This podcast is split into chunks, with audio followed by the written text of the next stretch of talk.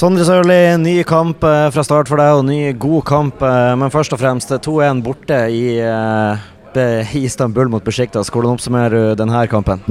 Nei, vi møter jo et, et veldig godt lag og en storhet i Tyrkia. og Det var en ja, god kok på stadion i dag, så først og fremst er jeg stolt over laget og guttene. og ja, Det er jo en rå, kul opplevelse å klare å, å slå Besiktas 2-1 her.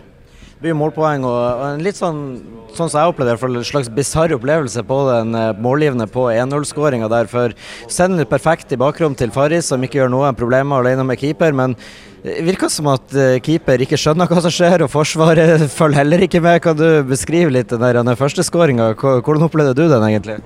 Nei, jeg fikk vel ballen fra Patrick ut på sida der, og så ser jeg faktisk Pelle først eh, helt bakerst. Eh, og den bevegelsen gjorde egentlig at det åpna seg mer i midten, så ser jeg Faris er på vei inn der. Så jeg prøver egentlig bare å, å servere den, eh, men det er fortsatt veldig godt eh, satt av han med kne, eller hva det var. Så, så det, var, ja, det var en fin ball og en fin skåring.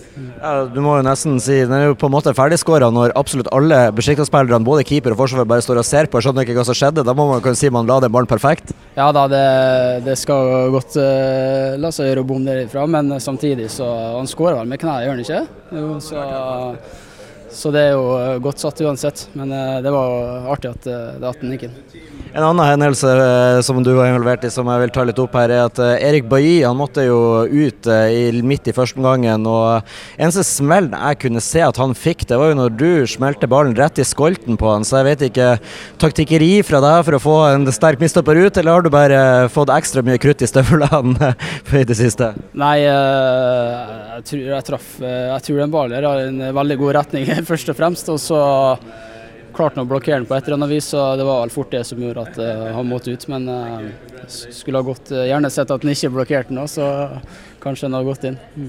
Kanskje. Helt til slutt, det er jo heksegryte og noe sjeldent det her. og Like etter Glimt gikk opp i 2-0, da, så var det mye som skjedde på tribuner. Det var masse supportere som flytta seg, og det kom masse politi inn. og ja, både akkurat det her da med det voldsomme politiombudet og supportere som flytter seg, merka dere det på banen? Og i det hele tatt, hvor mye blir dere påvirka av den enorme pipekonserten og, og all bråket fra tribuner gjennom hele kampen?